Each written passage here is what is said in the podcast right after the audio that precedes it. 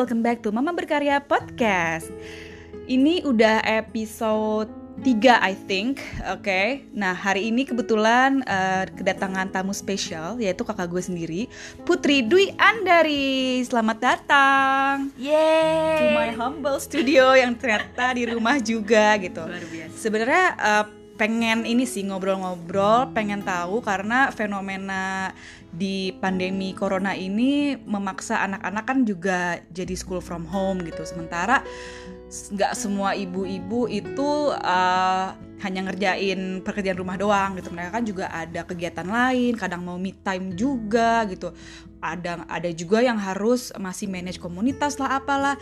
Nah sebagai uh, ibu juga yang belum punya anak yang udah sekolah gitu pengen tahu sih gimana sih sebenarnya per ini gitu mungkin bisa start dari kayak your typical day gitu kali ya dari bangun tidur sampai tidur lagi tuh sebenarnya apa aja sih kegiatan seorang ibu yang punya tiga orang anak Oke, pertama-tama gue mau ngucapin uh, selamat nih sama adik gue sendiri Rani yang Thank you. udah keren banget dan punya keberanian bikin podcast kayak gini karena gue sendiri pun nggak bisa deh kayaknya bikin podcast kayak gini ya Masya Allah keren sih dan gue terus mendukung ya Ran ya Oke apa ini tuh maksudnya tipik, typical day before pandemi apa after pandemi? Uh, kita mungkin bisa compare kali ya kalau before Oke. biasanya gue ngapain ke setelah Ya, ya, pandemi ya, tuh ya, ya, kayak ya. gimana sih gitu Oke, ya uh, ini menyapa pendengarnya ah, siapa nih? Nah, belum ada sih Oh belum ada. Oke, jadi em, sebelumnya perkenalkan nama gue Putri Dwiandari, gue ibu dari tiga orang anak, dua orang putri dan satu orang putra. Ada satu putri gue itu yang paling gede usia mau 8, yang kedua mau 6, yang terakhir tiga setengah tahun. Masya Allah. Gitu ya. Jadi lumayan kecil-kecil nih emang ya mereka bertiga ini.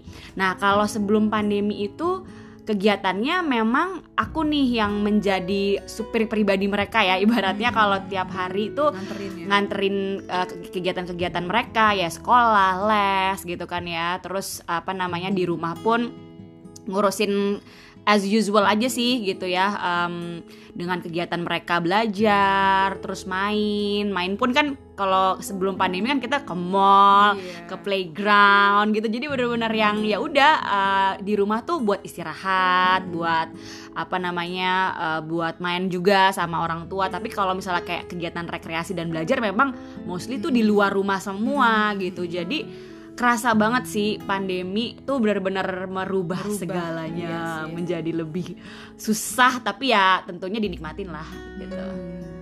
Nah terus uh, salah satu ya bisa jadi sih kayak kita bilang the downside of pandemi atau malah positif nih makanya aku nggak tahu nih untuk Ah, uh, ibu yang udah punya anak umur sekolah itu Iya. kan uh, sekolahnya nggak bisa face to face jadi Mm-mm, ada yang namanya school from home Ya, kan mm-mm. Nah itu eh, gimana sih bagi waktunya gitu Hmm. antara karena kan kita juga ada kerjaan rumah nyuci apa segala macam gitu Mhm. Belum lagi kalau kita ada kerjaan juga yang lain gitu yang nggak Iya. mungkin kita nggak mungkin kita tinggalin gitu aja kan Iya. karena pandemi oke gue nggak mau kerja ah mau ngurus anak doang nggak mungkin Iya, kan gitu Iya. apalagi nih anaknya tiga gitu oke Mm-mm, jadi mm-mm. bisa di share nggak gimana sih cara Iya. atau mungkin tips gimana SFA-nya bisa berhasil gitu sebenarnya ya sampai saat ini masih terus uh, menyesuaikan caranya ya gitu. Jadi belum ada yang successful story karena aku yakin masing-masing dari orang tua itu punya caranya sendiri juga nih untuk mendampingi anak-anaknya SFH gitu. Tapi awal-awal nih kalau boleh cerita waktu pertama kali ngerasain SFH ini itu tuh stressful banget. Karena ya gitu ya karena aku biasa uh, mengantarkan mereka. Justru kan ibaratnya ya ini apa ya to be to be. Ya refreshing buat kita benar Iya. refreshing buat kita dan to be honest sebenarnya kita kan memang menitipkan ya kan Yes. dalam tanda kutip menitipkan anak kita di institusi-institusi tersebut sehingga kita pun jadinya dibantu sama uh, guru-guru ini nah ketika terjadi seperti ini emang kerasa banget ya Allah ternyata pekerjaan menjadi seorang guru tuh nggak mudah ya gitu ya. Makanya kita harus appreciate banget guru-guru kita gitu ya yang benar-benar dengan sabarnya uh, ngajarin anak-anak kita gitu kan dengan segala macemnya itu. Nah tapi challenge yang kedua gitu ya bukan hanya soal ngajarinnya tapi kalau yang uh, apa ya yang terjadi di rumah itu kan kita ngajarin anak sembari ngurusin daily mereka kan. Kalau Iya di sih. sekolah ya guru-guru ngurusin mereka di pas di sekolah aja gitu. Maksudnya fokus ke belajarnya itu sendiri gitu. Nggak fokus ngurusin apa ya kemauan mereka yang lain gitu kan. Mandiin misalnya apa ngasih makan dan lain-lain gitu kan ya. Jadi itu sih jadinya yang benar-benar kerasanya tuh karena jadi ada dua dua apa ya dua challenge gitu. Yang satu mesti ngajarin satunya lagi mesti ngurusin di waktu yang sama. Dan ya udah environment yang itu-itu aja dengan tools yang terbatas juga kan gitu. Hanya online dan paling ada tools-tools yang dikirim dari sekolah tapi itu juga terbatas. Jadi ya really really stressful gitu. Tapi akhirnya ke sini-sini ya akhirnya sudah menyesuaikan juga sih gitu. Lebih kayak akhirnya punya yang, yang penting tuh punya corner study yang jelas gitu loh. Jadi nggak nggak di mana-mana nggak scattered gitu. Karena kalau kita eh, memberikan tempat atau space anak ini belajarnya nggak jelas. Maksudnya ada distraction banyak gitu kan. Ada mainan di sampingnya dan lain-lain. Itu tuh wah distraction banget sih gitu. Oh, jadi tadi ya kuncinya adalah uh, layout belajar juga di rumah ya Mhm, kayak mhm, even though kayak rumahnya mungkin kecil atau tinggal di apartemen tapi Iya, iya, kalau kita punya corner belajar yang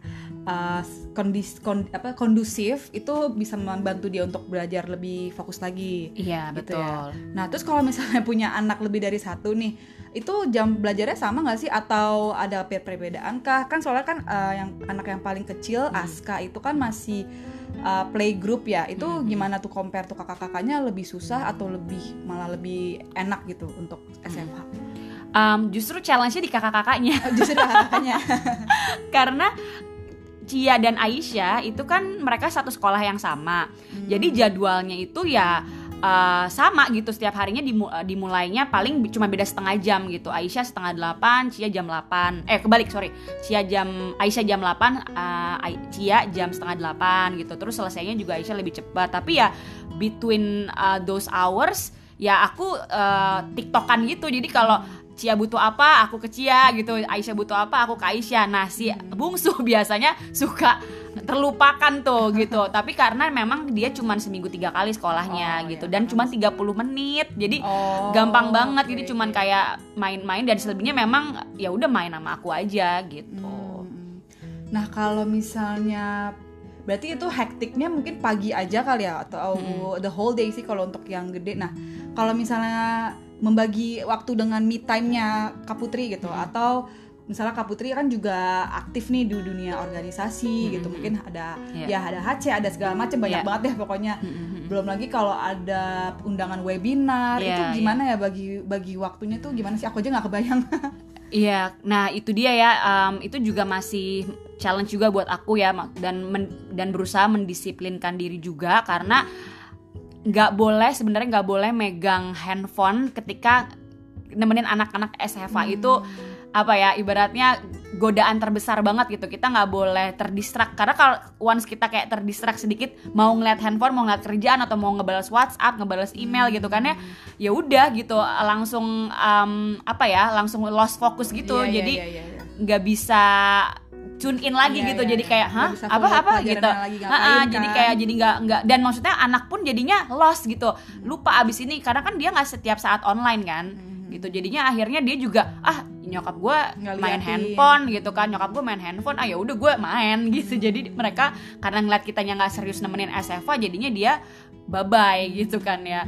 Jadi em, makanya harus eh, ini harus eh, fokus ketika eh, menemani SFA terus setelah baru setelah selesai ya udah kita baru eh, ngerjain apa kerjaan kita biasanya habis makan siang udah tuh udah waktu aku gitu kan anak-anak udah bebas mau mau main mau nonton Iya sih. boleh tapi ada batasnya juga sih kalau weekdays aku biasanya ngebatasin jangan lebih dari dua jam gitu Hmm. karena kan capek ya masa abis Iya, iya. SFA nonton lagi Iya. main gadget lagi gitu screen time-nya terlalu banyak ya jadinya. Jadi tadi ya kuncinya yang eh, fokus dulu nih di morning routines, eh, difokusin ke situ, sama sekali nggak ada distraction, baru abis itu dikebut ya untuk kayak me time lah, eh, kerjaan segala macem. Oke sih, maksudnya pas ini juga tips yang sangat membantu juga untuk mungkin yang tahun depan udah pada mau masuk sekolah, anak-anaknya takut iya. masukin anak gua nggak ya ke sekolah gitu.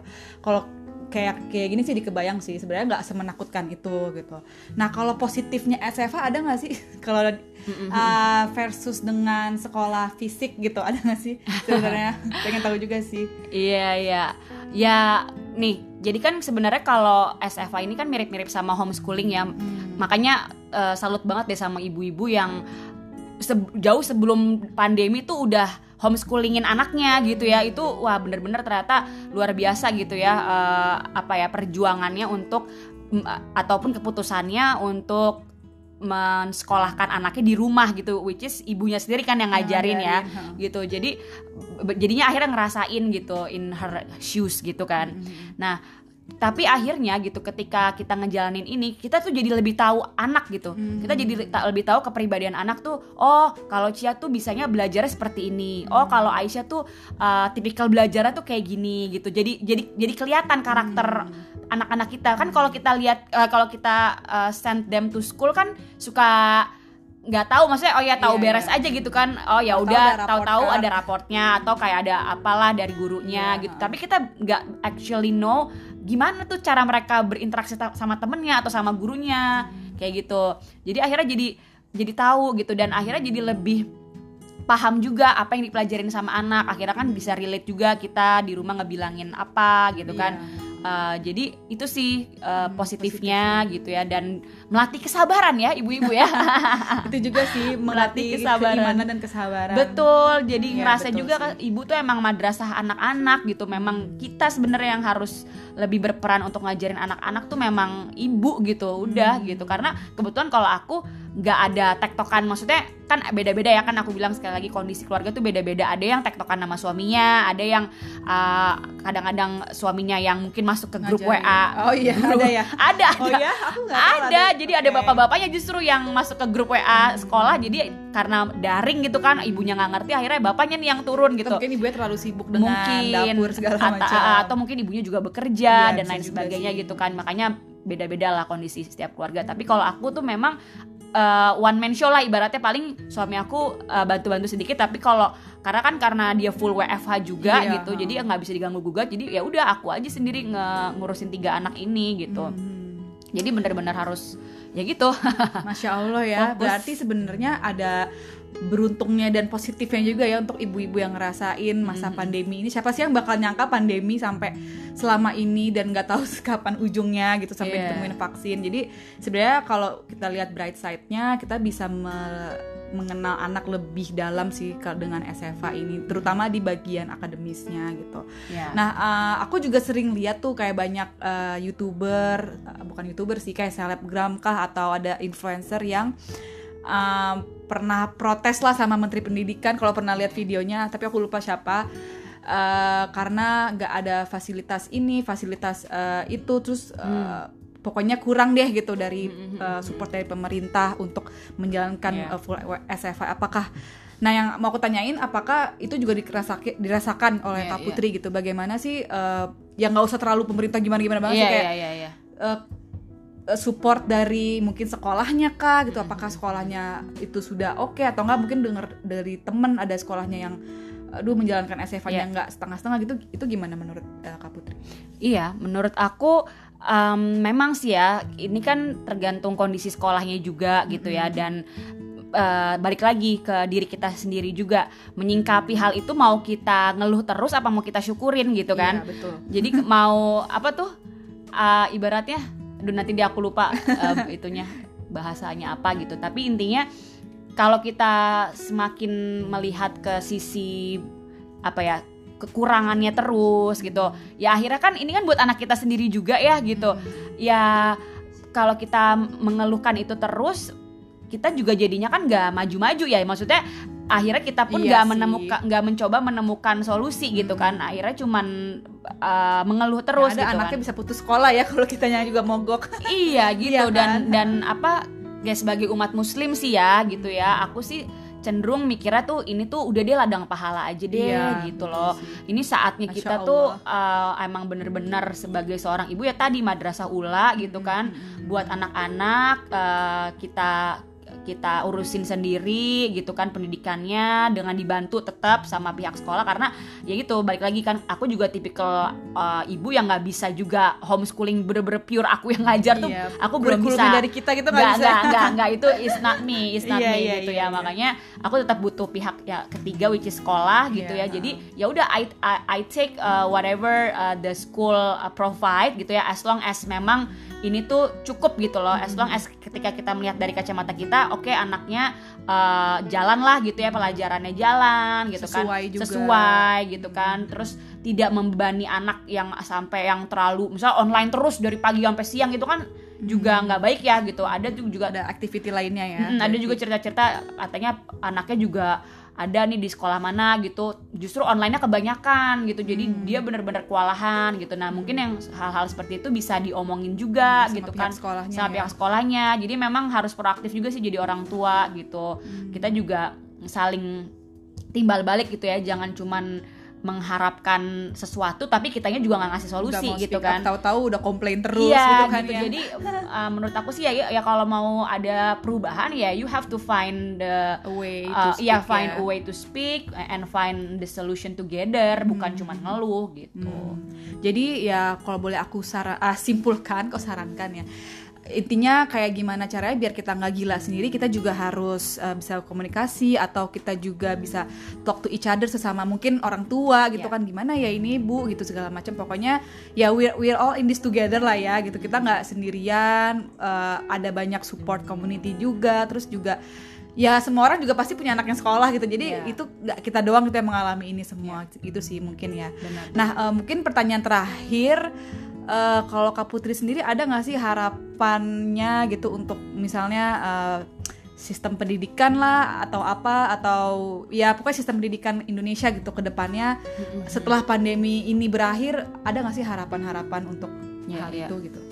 ya harapannya pengennya sih sistem pendidikan di Indonesia itu lebih mengutamakan pendidikan karakter gitu ya Hmm. karena um, it's ya ya karakter itu kan masuk jadinya kan ke kepribadian kita gitu ya I think uh, itu it's more important uh, daripada nilai Hmm. daripada Daripada akademis ya. akademis yang yang justru lebih kayak dipikirin gitu misalnya eh matematika udah bisa apa aja nih gitu atau Hmm. kayak misalnya udah bisa perkalian apa gitu tapi mereka lupa terus belajar perkalian tuh buat apa gitu Iya, jadi iya sih emang itu Indonesia iya kayak banget gitu gitu jadi kayak lulus masih tetap bingung mau Ah, ah. ngapain kan gitu. Itu sangat Indonesia. Mm-mm, kayak misalnya belajar sejarah gitu kan ngafal-ngafalin doang terus tahu nggak kenapa itu terjadi gitu Iya. misalnya apa kaitannya sama kita sebagai bangsa Indonesia misalnya gitu loh jadi uh, temukan selalu temukan why-nya sih kenapa begini kenapa begitu jadi makanya nanti ke depannya kan pengennya bangsa ini jadi lebih kritis lebih punya identitas gitu nggak cuman ikut-ikutan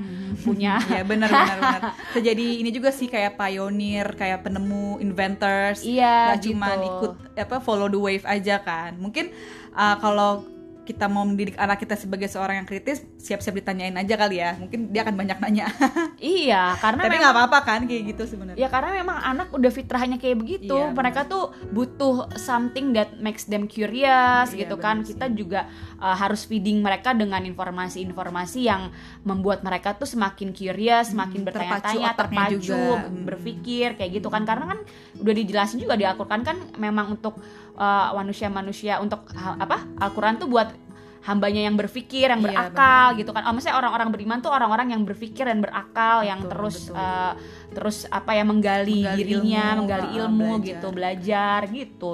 Iya. Uh, uh, jadi ya makanya balik lagi sih ke situ dan uh, intinya sih kalau di masa sekarang terus bersyukur aja deh gitu masih mending anak kita masih bisa sekolah gitu kan. Betul. Dan Ada aja. rumah, enak Iya, sekolah yang juga gitu. kondusif semuanya ya. Masih banyak banget soalnya kan yang mau sekolah tapi nggak punya akses internet, nggak Iya. punya smartphone tuh apa kabar gitu kan. Jadi kalau udah kemba- kembali lagi gitu ya, kalau udah capek, udah yang fed up ibaratnya kapan ini berakhir gitu. Aku udah nggak sanggup gitu kan. It's too Lebay ya. much for me gitu kan. Udah mulai drama-drama Korea gitu lah ya Iya hidupnya. gitu udah mulai kayak mau mau apa namanya Dunia runtuh mau gitu dunia ya. runtuh dan mau menyerah ya inget aja gitu bahwa uh, kondisi seperti ini orang-orang masih banyak yang susah Ya, gitu betul kan sih. dan minta pertolongannya ya sama Allah gitu minta dimudahkan ya Allah mudahkan mudahkan insya Allah dimudahkan kok kalau kita juga berusaha dan berdoa. Seperti itu sih. Ini aku ngomong buat diri aku sendiri ya guys. Aku juga masih uh, keluar Tapi ini tanduk. jadi jadi ini juga sih apa kalau denger orang yang positif jadi ikutan positif juga sebenarnya sih. Jadi daripada kita dengerin apa ya kayak ya boleh sih dengerin keluhan-keluhan tapi cuman untuk tahu aja oh iya ternyata banyak Ya. ya orang yang masih seperti kayak jangan sampai itu keserap ke energi kita jadi Betul, negatif juga betul, gitu. Yang ada kita betul. juga nggak enak juga hidupnya. Dan itu juga ngaruh ke eh, psikis dan mental kita juga Iya. gitu sih. Oke jadi Ah gila sih, gue juga jadi ini juga sih. Walaupun eh, ketemu Kak Putri sering tiap hari Nggak tiap hari, maksudnya kayak sering. Tapi eh, sisi lain dari kakak gue yang seorang ibu eh, Terus nyokolain anak-anaknya di rumah menjadi apa ya sesuatu yang positif juga sih buat aku eh, siap- Persiapan, persiapan, persiapan. juga buat Olive yang sebenarnya nggak tahu juga mau sekolahnya kapan tapi pasti ada suatu suatu saat di mana I have to do the same with my uh, Iya, sister apalagi Nah, Rani kerja kan Iya, apalagi itu sih sebenarnya gue kerja, Iya. walaupun sekarang aku kerja uh, di rumah full, tetap sih kayak nggak ada bedanya sih sama kerja di kantor kalau boleh jujur gitu. Uh, Oke, jadi thank you banget kak udah jadi bintang tamu. Makasih Mungkin dong. uh, Aku yang makasih. next Aku next. so proud of being here Thank you guys so Thank you ya much guys uh, udah bantuin konten aku. ya semoga ada yang bisa diambil Iya, ya manfaatnya kalau yang uh, uh. uh, tidak ada manfaatnya nggak usah diambil kalau ada yang tersinggung juga jangan diambil hati. iya betul Oke, jadi thanks for listening juga guys. Jangan lupa um, follow dan jangan lupa share juga kalau kalian uh, menemukan podcast ini bermanfaat ke teman-temannya. And then see you guys on the next Thursday. Bye bye. bye thank you Assalamualaikum. Waalaikumsalam